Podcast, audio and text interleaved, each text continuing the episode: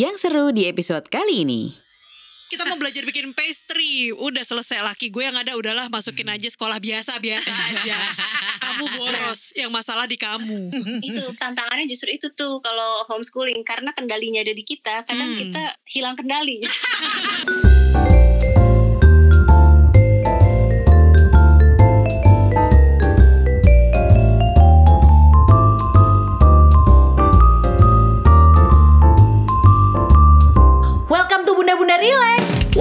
relax woi Welcome to Bunda Bunda Relax.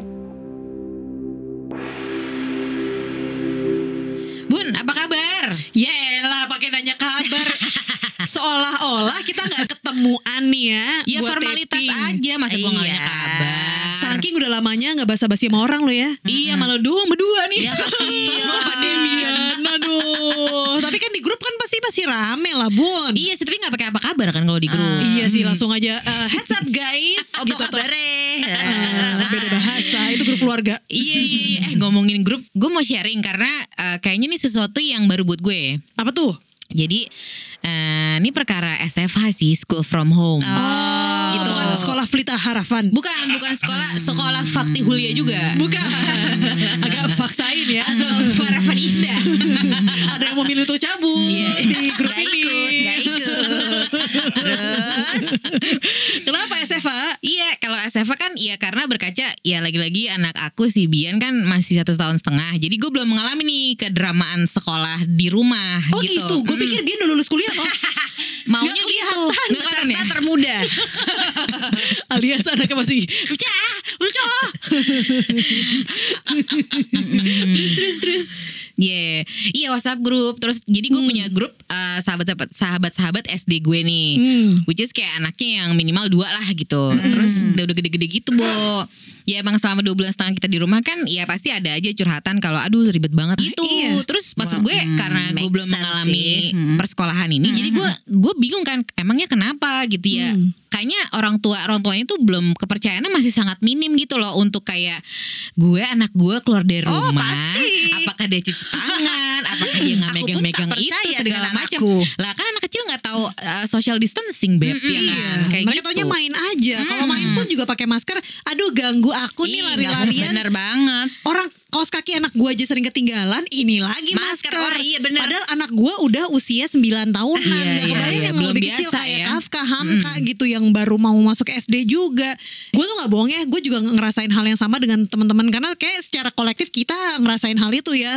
Gue gak percaya anak gue bisa atau enggak untuk physical distancing. Gue nggak tahu sekolahnya itu punya pengaturan seperti apa. Mm-mm. Bukan hanya kebersihan diri, tapi juga apakah di steril uh, semua ruangannya, benar, disinfek secara berkala, yang kayak gitu-gitu kan sesuatu yang kita nggak bisa kontrol. Nggak bisa pastikan juga Iya. ya. Kalau anak-anak ini tetap di rumah aja kan seenggaknya gue tahu dia makan apa, dia cuci Iya, tangan atau benar. enggak, dia cukup minum air putih atau enggak, istirahatnya bagaimana. Ada orang keluarga di rumah yang eh, apa namanya agak-agak sakit atau enggak kan semuanya kontrol gitu loh. Mm-mm. That's why gue pribadi sih, aduh mau ada apa juga ntar deh kalau udah udah aman gitu loh. Berhubung banyak sekolah juga kan yang sekolah negeri dijadiin tempat darurat untuk covid gitu kan. Beberapa sekolahan. Terus habis itu anak gue masuk ke sekolah tersebut. Eh, gimana dong? banyak ya concernnya. Terutama juga gue sempat dengar juga sih ini eh, salah satu temen gue. Dia akhirnya memilih untuk homeschooling. Gitu. Jadi karena mungkin ya karena daripada mungkin dari pemerintah juga belum ada memberikan kejelasan, akhirnya dia ambil keputusan untuk oke lah anak gue tunda masuk sekolah. Tapi eh, mungkin secara pengajaran tetap berjalan tapi homeschooling gitu. Ih bisa se ekstrim itu loh ternyata oh, loh. oh, mungkin ya gue sebenarnya sebagai eh, orang tua juga secara pribadi gue mulai berpikir sih apakah mungkin ini bisa menjadi alternatif ya untuk eh, kondisi sekarang gitu. Eh sumpah-sumpah tapi ya temen gue tuh ada banget yang ngejalanin homeschooling bahkan. Tapi kondisinya kayaknya waras-waras aja tuh dia sama anak-anaknya. Anaknya nggak cuma satu loh bun. Ada dua. Itu gue bukan. bukan karena waras gue kata kuncinya tadi gue sebut ya kan Kalau gue nggak waras ya, komplain mulu. iya aja ngobrol aja nih ya bentar ya kita coba telepon ya Lo nelfon pakai internet ya? internet kabel zaman dulu. Zaman dulu ya, Telkomnet instan. Apa tuh Gue namanya inget banget coy. Hai Bunda Ica halo bunda-bunda Asik. Asik, dibilang bunda-bunda. Udah rame banget ya bener Iya. Dan kebalikan mau ngomong Bunda Ica tuh men sepi biasanya tiap di telepon rame banget itu latar belakangnya. Iya, ya. di, di rumah juga ada studio kok. Wih, punya podcast sendiri soalnya nih. Iya. Bunda Ica, ini adalah bunda dari Gwen dari podcast. Sekolah salah Buat gue. apa sekolah? Buat apa sekolah? Yang bener nadanya gimana sih? Cak ngomongnya. Buat apa sih sekolah gitu? Oh, Jadi bukan iya. buat apa sih sekolah? Oh, bukan gitu ya. Kayak buat apa sekolah? Buat apa sekolah? Buat apa Nah, Ya, beda, gitu. beda, beda. Iya. Tapi bagus sih judulnya tuh super nyentil sih. Kayak jadi pengen tahu Iya. dalamnya gimana Tapi nggak pakai tanda baca. Jadi kayak terserah yang baca aja Iya, kayak. benar. Apa apa gitu gitu sekolah? nggak? Gitu nggak konsepnya Mbak Ica? Benar-benar, karena bisa macam-macam. Hmm. Bisa mempertanyakan sekolah itu ngapain, bisa juga mempertanyakan sekolah harus ada atau enggak, macam-macam lah, tergantung interpretasi masing-masing. Karena waktu bikin buat apa sekolah juga sebenarnya bukan mau kritik sekolah juga, gitu. Jadi Hmm. disclaimer juga takutnya ntar gue dibenci sama seluruh penggiat sekolah. gitu. Iya. Sebenarnya memang pengen mempertanyakan aja sih rethinking education itu. Wih, rethinking bisa nggak sih education. di, di luar sekolah gitu. Kalau tanpa sekolah gimana? Kalau misalnya pakai sekolah pun sekolah harus bagaimana ya gitu. Nah, Nah, ini pertanyaannya nih, pas nih. Yang mau kita kulik-kulik dari Mbak Ica nih. Betul. Secara kan lu tahu sendiri ya sekarang dengan kondisi uh, the new normal ini semua orang menghabiskan waktu di rumah, bunda-bunda ini nemenin anak belajar lah ujian. Ini kan hal yang baru buat kita semua nih Bunda Ica. Sedangkan kamu kan secara penuh dan berkesadaran gitu ya uh, memilih untuk homeschooling dan uh, rethinking about education juga. Kalau boleh tahu kita kayak uh, kenapa nih bisa decide untuk homeschoolingin Gwen dan sekarang anakmu yang kedua juga uh, Sky juga homeschooling ya? Mm-mm, masih kecil sih dia, memang memang belum masuk usia sekolah sih, tapi nggak ada rencana, belum ada rencana di sekolahin TK gitu belum sih. Hmm. Tapi waktu itu memilih untuk homeschooling sebenarnya karena kecewa, awalnya kecewa sama Oh. sekolahnya Gwen. Jadi eh, gue nggak akan sebut nama Oke. sekolahnya. Jangan jangan Tapi, jangan. ya kecewa dengan uh, sistemnya gitu. Awalnya sih pengennya mindahin sekolah, cari sekolah lain gitu. Tapi setelah tahu homeschooling, sebenarnya tahu juga udah lama. Cuman Mhm. nggak pernah berani untuk riset lebih lanjut karena ini pasti uh, gue akan di uh, tentang sama kakek neneknya. Jadi Hmm. nggak sempat mikir-mikir gitu. Tapi lama-lama gue setelah gue ngobrol-ngobrol sama beberapa temen yang emang udah homeschooling duluan gitu dan anak-anaknya juga udah gede-gede bahkan udah ada yang S2 gitu. Ya udah akhirnya waktu itu simpel aja pikiran gue yang penting gue bukan yang pertama dan Hmm. gue di Indonesia bukan sendirian doang jadi kalau ada apa-apa ya ada temennya lah gitu. Terus juga satu lagi yang paling penting legal apa enggak di Indonesia legal Hmm. gitu. Terus sesimpel itu aja. Abis itu baru deh eh, bergulatnya setelah nyemplungnya. Justru Nah, ini nih Begitu yang nyemplung. yang uh, aku masih penasaran banget ya soalnya pasti kan kalau misalnya orang tua gitu ya ya aku deh sesimpelnya gitu mikirnya kalau anak kan kalau misalnya udah masuk usia sekolah itu kan memang harus mendapatkan pengajaran yang sesuai dengan kurikulum gitu kan Hmm. yang ditentukan berdasarkan uh, nasional pendidikan nasional gitu. Terus udah gitu ya kalau kita masukin sekolah juga kan pasti aspek legalitasnya tuh udah lebih enak kan karena Hmm. istilahnya dia udah pasti dapat ijazah terus ya istilahnya udah dapat pembenaran. Nah kalau misalnya dia memang sudah belajar gitu. Nah kalau misalnya homeschooling sendiri itu metodenya gimana sih? Apa ada kurikulumnya atau terus ada ijazahnya gimana itu aku belum kebayang tuh mbak Ica Kalau eh, dari ijazah dulu ya. Kalau Mm-mm. ijazah sih jalurnya kalau untuk ke sekolah rumah itu homeschooling Mm-mm. dari eh, lewat PKBM kayak biasa orang kejar paket itu loh ABC. Oh, kejar Oh, paket SD. Hmm. B yang SMP dan C yang SMA itu. Hmm, oke. Lewat itu ijazahnya. Itu pun kalau misalnya si keluarga homeschooling merasa dia perlu ijazah. Karena ada juga yang nggak perlu ijazah loh. oh iya Maksudnya mereka ya Hmm. memang memilih jalur udahlah gue entrepreneur, anak gue pengen jadi wirausaha juga, gue tinggal eh, mewariskan usaha gue ke anak gue. Ada yang kayak gitu juga. Hmm. Jadi mereka benar-benar nggak butuh ijazah. Tapi kalaupun merasa butuh karena emang pengen kuliah nantinya Mm-mm. bisa banget lewat PKBM itu. Nanti tinggal ujian penyetaraan aja, eh persamaan. oh Hmm, oke ujian oke paketnya oke itu pas kelas 6 dan kelas 3 SMP SMA itu. Kalau legalitasnya ada kok sebenarnya di undang-undang Sisdiknas nanti mungkin bunda-bunda bisa eh, googling aja. Karena aku juga nggak apa takut salah ya. Iya, iya, iya, eh, iya, nomor iya, berapa iya. nomor berapa. Ah, ah, ah. Tapi di Undang-Undang Sisdiknas tuh ada kalau homeschooling itu masuknya ke eh, pendidikan informal. Kayak Hmm. formal kan sekolah, non formal yang Mhm, kelas-kelas mhm, gitu. Kalau homeschooling masuknya pendidikan berbasis keluarga itu informal. I see. Ya, Jadi tenang aja. Kalau misalnya memilih untuk homeschooling legal, nggak bakal dijerat hukum gitu ya. Karena apa eh, menghalangi anak untuk sekolah gitu, nggak. Karena di Indonesia alhamdulillah legal. Karena beberapa negara ada yang ilegal gitu homeschooling. Jadi Oh, tenang aja gitu. kalau milih. Oh, Kayak banyak jalan menuju Roma Pilihannya ternyata ya. banyak sebenarnya. Berarti misalnya nih, ya kalau kayak tadi aku tanyain kan kurikulum tuh Mbak balik lagi. Karena kalau misalnya Hmm, kalau kurikulum kan kita oke. tinggal tinggal ngikutin doang nih kan ya, yang dari kurikulum nasional Mm-mm. gitu. Nah, kalau misal untuk homeschooling Mbak Ica sendiri tuh ada apa ya kayak misalnya pengantar-pengantarnya apa aja yang dipakai misalnya untuk eh, anak hari ini gitu. Itu ada nggak sih Mbak? Ada kalau aku ada pasti setiap keluarga homeschooling pasti ada. Cuman Oh. eh, pasti beda-beda. Hmm. karena memang di situlah salah satu kelebihannya homeschooling fleksibel dan setiap keluarga tuh bisa mau milih kurikulum apa aja yang menurut mereka sesuai sama visi misi keluarganya. Hmm. Kayak aku nih nggak pakai kurnas, nggak pakai buku-buku textbook kurikulum 13 ya sekarang nggak usah Iya, kurtilas benar. gitu. Aku nggak pakai sama sekali karena memang aku melihat textbook banget gitu Oh. dan nggak sesuai lah sama yang aku mau gitu. Jadi nggak apa-apa sih tinggalin aja. Aku pakai buku-buku lain gitu. Tapi Nah, kalau mau milih kurikulum itu sebenarnya banyak banget metode ya. Tapi banyak ini dari luar negeri sih gitu. Cuman tetap bisa diadaptasi di Indonesia. Kayak ada Waldorf itu dari UK. pendidik namanya Rudolf Steiner. Terus juga ada Montessori, ada juga Charlotte Mason. Sebenarnya masih ada lagi, ada eh, metodenya lagi unschooling. Unschooling ini Hmm. yang bener-bener kalau yang radikal itu bener-bener anaknya nggak ada akademis sama sekali. Oh gitu. Jadi bebas banget. Bebaskeun Ada ya. juga yang kayak gitu alirannya. Bebaskan itu Nah, unschooling. berarti banyak alirannya.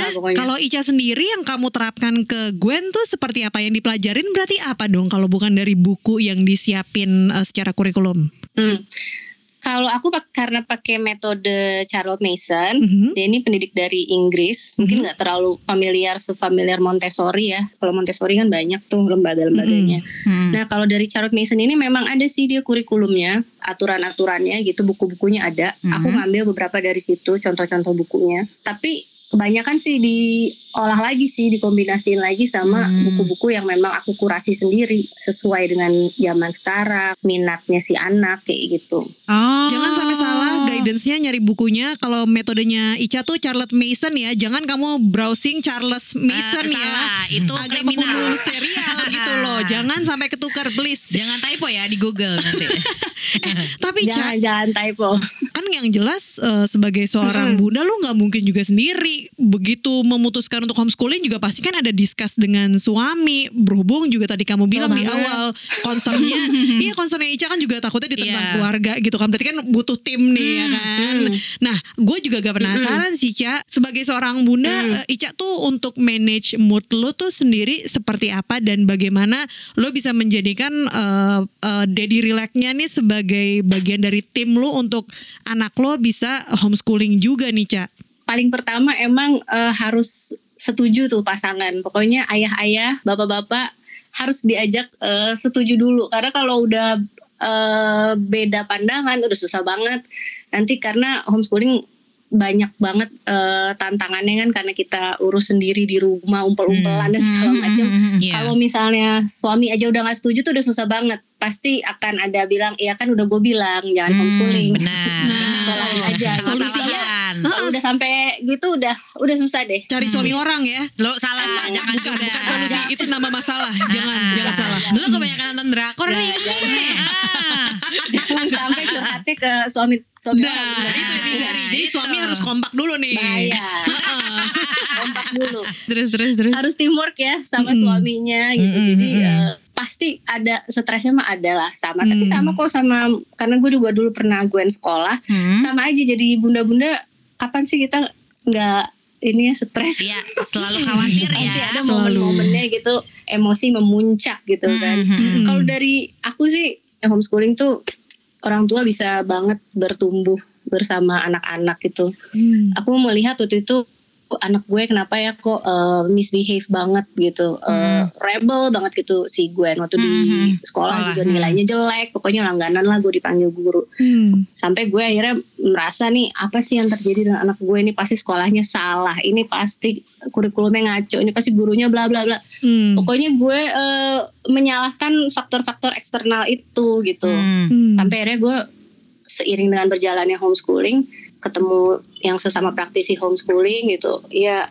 intinya sih kuncinya cuma satu, sering-sering eh, ngajak ngobrol diri sendiri gitu. Hmm. Refleksi itu gitu. Karena Hmm. mulainya bener-bener dari kitanya deh, bunda-bundanya ini. Kalau Oh, kita gitu. belum bisa ngatur diri kita, emosi terutama bagaimana bisa mengatur emosi anak gitu. Wah, Wow. banget sih ini. Agak tampar gitu tenang barusan gitu. ya dari Ica. Benar. Disuruh berkaca. Iya refleksi Tapi diri. itu setuju banget Iya, sih gue. paling berat tapi Mm. paling berat itu Hmm. karena eh, ya siapa sih yang suka ini kan menyalahkan diri sendiri Hmm. gitu. Pasti kita maunya ini pasti Hmm. yang salah. Ininya sih Kurikulumnya nih, sih ngaco nih. pernah ngajarin gitu atau apa. Hmm. Tapi ya udah kalau nge-switch mindset sesimpel itu aja gitu ya, walaupun susah. Tapi kalau udah kayak gitu, misalnya mikirnya kitanya dulu nih yang refleksi nih, benerin dulu si bunda-bundanya gitu. Udah Iya, baru iya, deh. iya. Eh, kalau kita udah tenang, kata cara Oke. kan education is an atmosphere. Jadi atmosfernya pun jadi Hmm. anak ke bawah gitu. lebih tenang, Hmm, lebih chill gitu ya, kalau aku ya pokoknya benerin dulu di kitanya gitu kalau aku sih biasanya kalau misalnya nggak mood lagi moodnya jelek banget eh, sama aja kok itu ibu-ibu homeschooling sama Hmm. ibu-ibu lainnya juga Hmm. ada stresnya banget dan kalau udah kayak gitu karena pernah baca juga teorinya gitu bahwa kalau kita lagi nggak mood kan yang keluar tuh otak reptil otak yang belakang itu Hmm. jadi maunya marah-marah mulu jadi apa pun yang keluar itu nggak akan rasional jadi caranya Iya, kalau iya, gue iya. ini ke kamar aja atau ke kamar mandi Ah, atau yang oke. gitulah dan kalau lagi kondisi apa namanya di rumah aja ini juga Hmm. sebenarnya ya bisa banget gitu langsung misalnya udah aduh gue burnout banget lah gitu Hmm. zoom meeting lah terus anak Iya wah, banget. wah, Iya, iya, iya. ya udah take time dulu sampai si otak reptilnya redup baru yang depannya itu tuh yang nyala yang uh, Mm-mm. prefrontal cortex itu habis itu baru kalau udah merasa kita rasional barulah kita mengajak ngobrol si anak itu gitu dan itu Hmm. emang nggak bisa langsung kita jadi dewa kayak gitu ya Nah, Pasti langsung ada prosesnya Langsung jadi Bunda Harus Maria sering-sering nggak juga ya? tidak tidak nggak bisa langsung Zen gitu ya. malaikat gitu juga Enggak gitu ya. zen gitu nggak Hmm. marah jangan dikeluarin deh kabur aja mendingan kayak Oh gitu. Iya, gitu Nah, gue langsung malu sendiri sih. Iya, aku enggak, aku tuh kebayangnya tuh gini. Soalnya kalau eh, Mbak Ica itu kan memang udah homeschooling, jadi udah terbiasa mengajarkan anaknya kan dari eh, apa ya dari terakhir Gwen eh, nggak sekolah lagi ya intinya kan diajarnya sama Mbak Ica sendiri kan sebagai guru. Nah kalau misalnya kita kan Mm. tiba-tiba mendadak ada pandemi, tiba-tiba ada ketentuan harus school from home. Jadi lumayan apa ya Sekaligus semua agak gitu. siok gitu loh mbak. Maksudnya jadi kayak emang kok jadinya beban banget nih mengajarkan anak gitu. Padahal sebenarnya kan ya proses belajar itu kalau kata mbak Ica kan memang bisa terjadi di mana pun dan orang tua tetap harus bertanggung jawab gitu kan mbak ya. merasa beban mungkin ya Ha-ha. mungkin karena eh, pada saat melakukan school from home itu kendalinya sebenarnya masih ada di sekolah padahal anak eh, 100% ada di rumah gitu Benar. Em, jadi kayak misalnya dia harus absen setiap jam 7 kemudian Iya, harus ujian bener. pakai seragam ya kan, eh, Hmm. video call sama temannya dan segala macam ngumpulin tugas di WA itu kan sebenarnya semua kendalinya masih ada di sekolah kan jadi iya, orang benar-benar. tua nggak punya kendali untuk jadwal-jadwal si anak itu gitu ketika kalau misalnya homeschooling kita bisa pegang kendali karena misalnya let's say nih kayak sekarang gue mau podcast dulu gitu kan siaran Hmm. Ya nanti tunda dulu deh belajarnya gitu Iya. ntar malam aja atau ntar sore gitu Hmm. jadi sebenarnya sih enaknya school from home nih bener-bener Hmm. momen pas banget buat para bunda bertanya kembali kalau misalnya kendalinya dipegang sama bunda-bunda nih Hmm. bisa nggak lebih rileks Cila. Nah, itu dia. Benar. gimana gimana masuk kan Benar Boleh, boleh, banget. boleh lu.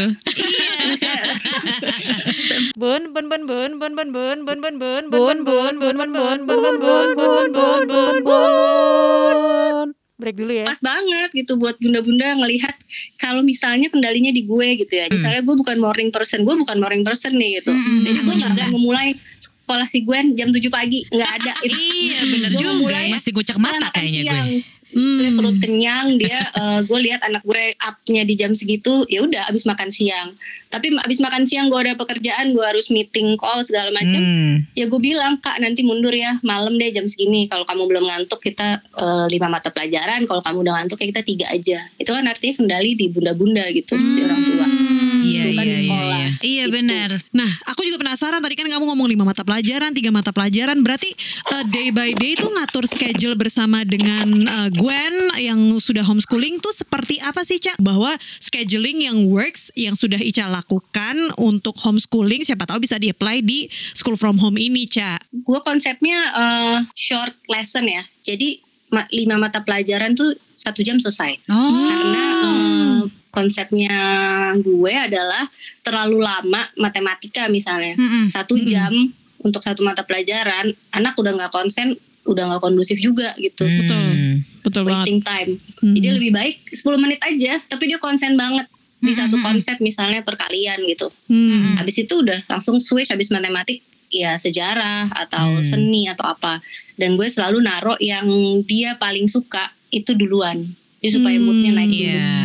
Yang Oke, dia oke. kurang suka di paling terakhir tapi semuanya itu konsepnya short lesson nah ini balik lagi Hmm. kalau kendalinya ada di bunda-bunda ya Iya. Betul, iya, iya. betul. kendalinya masih ada di sekolah harus zoom meeting sejam gitu ya berarti mau nggak mau harus mengikuti, Mengikuti. aturan si sekolah itu gitu kita kuliah dulu kan udah masuk sejam juga udah Ih, udah. ah, Lala lala gitu. takor ya Ingat bawaannya udah mau cabut ke kantin. Yoi, es teh manis iya bawaannya udah kantin kantin apalagi anak-anak gitu Iya, benar. attention span-nya lebih sedikit gitu Iya, dari iya. kita Iya, kalau aku sih matematika di terakhir aja kalau bisa ya. Sama sama Ilmu belanja aku online shopping. sama suami aku Mbak Ica aku bilang nanti kalau misalnya Bian udah gede matematika bagian lo ya gue Nyerah sih gue juga masih Iya. sampai sekarang. Matematika bagian bapaknya Nah. kadang-kadang hasilnya malah lebih buruk ya di Kenapa begitu ya? Iya, hati-hati iya, ya iya. bunda-bunda. gitu ya pastikan dulu, pastikan dulu. Tetap kendali ada di tangan istri juga nih kayaknya nih. Iya iya. Apalagi anak di rumah itu kan mungkin mm, buat anak-anak yang biasa sekolah itu kan bukan environment eh, mereka yang natural gitu ya nggak sih Cak sehari-hari mereka udah biasa ke sekolah apalagi kalau di rumah asosiasi mereka itu ya berarti aku nggak perlu belajar gitu kan Hmm, iya benar juga sih. Itu. Soalnya kalau di rumah biasanya anak maunya main-main aja, nggak mau belajar gitu, kan. Karena kemarin ngobrol banyak sama Bunda, itu satu challenges yang paling gede. Gila, gue mau bikin jadwal kayak apa, udah gue iming-iming macem-macem, tapi anak gue, hello jam 7 pagi aku masih belum dijemput jemputan aku, berarti aku libur gitu. Jadi anak ini kan belum ada kesadaran penuh bahwa ini tuh lagi pandemi, Bo. Gitu. Lu bukan main-main cuy di rumah cuy. Gue bayar sekolah. Bayar full lagi. Panjang Gak ada. Terus gimana tuh Iya gitu. Karena kan gue dulu sempet di sekolah biasa Ah, kan ah, gitu. ah. Nah itu transisinya gimana tuh? Transisi dari sekolah ke nggak sekolah sih waktu itu bener-bener dilus banget. Ada prosesnya namanya di-schooling gitu ya. Hmm. Itu eh, proses si anak kayak disapih gitulah. Jadi dia Oh. benar itu tadi soal mindset si anak juga perlu banget itu buat eh, di di apa ya bukan di brainwash namanya maksudnya di reset ulang gitu jadi ya itu lah ya. eh, Kira-kira. lewat di schooling itu gitu. Jadi Hmm, waktu di di-schooling. schooling tuh Di-schooling, bener-bener gue nggak ngapa-ngapain di rumah nggak ada yang akademis tadi. Gue bilang short lesson itu tuh nggak ada. Jadi yang pas proses di schooling tuh bener-bener yang eh, gue sama anak-anak sama suami juga Hmm. cuman mendekatkan diri aja kemudian diskusi sebenarnya kita maunya ngapain sih nih kak kita mau homeschooling atau bisa juga ajak ngomong kita nih lagi school from home karena ada pandemi karena sekolah pindahin ke rumah menurut kamu kamu enaknya gimana gitu Hmm. bener-bener cuman itu aja tuh waktu di Hmm. schooling itu Hmm. ngobrol sama anak gitu ya aku mau belajar mah mau belajar ini aku mau banyakin ini ya udah masukin lah jadi eh to do list kita gitu kan saran Hmm. dia lebih ke diskusi sama anak-anak dan ke suami sih gitu karena kadang kita menganggap kita yang paling tahu nih gitu ibu-ibu Hmm. Hmm. Tapi kita lupa gitu nanya si anak nih manusia Maunya. juga dia Hmm, maunya hmm. apa gitu Hmm. kadang-kadang kalau kita udah bisa ngulik-ngulik banyak banget gitu eh, fakta-fakta dan opini-opini yang mengejutkan dari si anak ini yang se- selama ini mungkin terpendam gitu Hmm. Hmm. ya waktu itu juga aku bilang abis mama sih kalau ngajar tuh kecepetan abis di sekolah tuh aku bukan nggak ngerti tapi aku lapar mah gitu jadi banyak banget apa insight-insight yang aku dapet tuh pas di schooling itu pas lagi masa transisi. Hmm. jadi nanti ya kalau sekarang yang school from home juga mestinya sih pas bener-bener pindah itu memang ada momen bunda-bunda juga rangkul lagi anaknya gitu nanya lagi sama dia ngomong santai aja gitu. Ini gimana ya enaknya ya? gitu eh, school from home nih gitu. Karena mama juga di rumah kerja gitu. Kamu enaknya gimana? gitu. Siapa tahu mendapat insight udah pernah belum nanya kayak gitu atau Ya, gimana coba coba Sumpah deh. belum. Karena kalau dibilang eh, sehabisnya aku lapar sih belajarnya. Ya iya benar dan oh berarti berarti abis itu kita bisa ya udah kayak gue tadi kan lapar mah aku ya udah akhirnya abis makan siang belajarnya gitu Ah, karena kendali ada di tangan Bunda. orang tua. Kalau tangan sekolah kan nggak bisa dong sambil sekolah terus Berbeza. makan. Jadi eh, sekali lagi nih momen kita untuk punya kendali di tangan kita. Jadi ini Iya, kayaknya iya, iya. momen SFA ini karena lah super langka ya, Mm-mm, harusnya dimanfaatkan sebaik-baiknya loh sama bunda sekalian. Gue sendiri juga jadi agak tertarik nih sebenarnya denger uh, ceritanya Mbak Ica tentang pingin. homeschooling. Serius Rena, deh. Rena itu gampang dipengaruhi Gampang banget banget, orang ya. Serius. Sumpah, sumpah bener banget. Enggak tapi beneran karena eh, menurut gue sendiri penting banget sih kita tahu sebenarnya anak ini tuh mau belajarnya seperti apa satu terus mau belajar apa terus ya anak kan beda-beda ya. Mungkin ada yang memang enjoy di sekolah bersama dengan teman-temannya gitu. Maksudnya bisa aja misalnya dia sebenarnya pengen belajar sesuatu tapi mungkin karena memang tidak suka di sekolah terus jadi nggak belajar apa-apa kan sayang juga gitu loh mbak. Mendingan dia homeschooling kan sebenarnya kayak gitu. Cuman balik lagi nih sebagai eh, bunda-bunda gitu ya. Pasti kan concern utama ada terkait dengan masalah biaya nih bunda. Perkara kecuanan. Ah, Itu kecuanan penting loh. nih penting banget nah hmm. aku tuh pengen tahu deh maksudnya nih eh, kisi-kisi aja gitu kalau misalnya untuk biaya homeschooling kalau dibandingin dengan biaya sekolah yang biasa gitu mana yang lebih tinggi secara biaya gitu Hmm. biayanya itu sebenarnya balik lagi kalau homeschooling fleksibel jadi bisa mahal bisa juga lebih murah dari sekolah gitu. oh gitu Kayak ada teman aku yang anaknya pengen belajar coklat, dia ke Belgia gitu. oh ada yang mau masak, dia masukin ke sekolah masaknya di Inggris gitu. Ada juga yang kayak gitu. Oh. Tapi kalaupun nggak mau kayak gitu juga, ya ngapain juga sih jauh-jauh gitu. Kita Mm-mm. Ke sambil Tangerang belajar, Selatan aja. kita sambil masak beneran buat keluarga, ajak si anak aja tuh juga udah belajar Oh, gitu kan. iya. belajar masak tuh Ren. balik lagi kita juga harus belajar Buku juga Hmm, buku tuh gimana tuh? terserah kalau misalnya kemampuan kita beli buku yang beli dari kurikulum luar Cambridge yang memang harganya lumayan Mhm. kalau mampu ya silakan gitu tapi kalau nggak Oke. mampu dengan perpustakaan kota kita pun udah memadai banget kok Oh, gitu. perpustakaan Wow. Dinas Nggak pernah gue ke situ. tuh yang dekat FX itu bagus banget Oh, Gratis.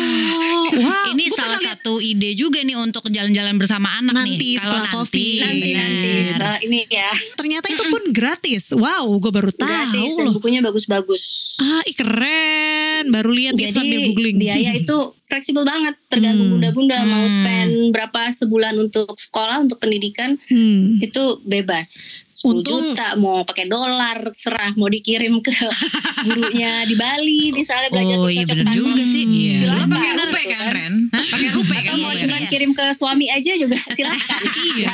Tolong diajarin anak kita sampai pintar ya. Kembalikan kepada saya kalau sudah pintar. itu Bunda Rena. Untung gue nggak tahu ya gue sih ngerasa dengan sharingan kayak gini kebayang kalau gue yang homeschooling boros banget sih. Ngada-ngada aja. Iya, Asli, BM, iya, BM. BM, BM. aku harus ke Thailand Iya, untuk iya, belajar bercocok tanam beras. Guys. Bulan depan aku ke Paris. Kita mau belajar bikin pastry. Udah selesai laki gue yang ada udahlah masukin aja sekolah biasa-biasa aja. Kamu boros. Yang masalah di kamu. itu kalau itu tantangannya justru itu tuh kalau homeschooling karena kendalinya ada di kita kadang Hmm. kita eh, hilang kendali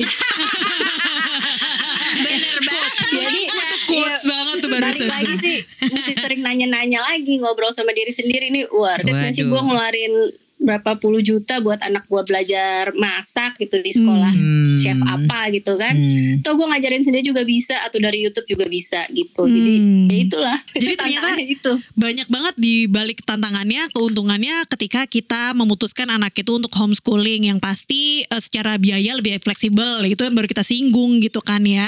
Yang keuntungannya juga kita sebagai bunda ini megang kendali penuh gitu ya. Dan yang eh, menguntungkan juga kalau secara homeschooling tuh mungkin membuat ataupun juga melatih kita jadi punya eh, lebih punya eh, kesadaran gitu loh. Lebih ini proses yang lebih holistik daripada yang tampak gitu. Karena kita punya kendali dan kita nggak mau lepas eh, kendali berlebihan gitu ya.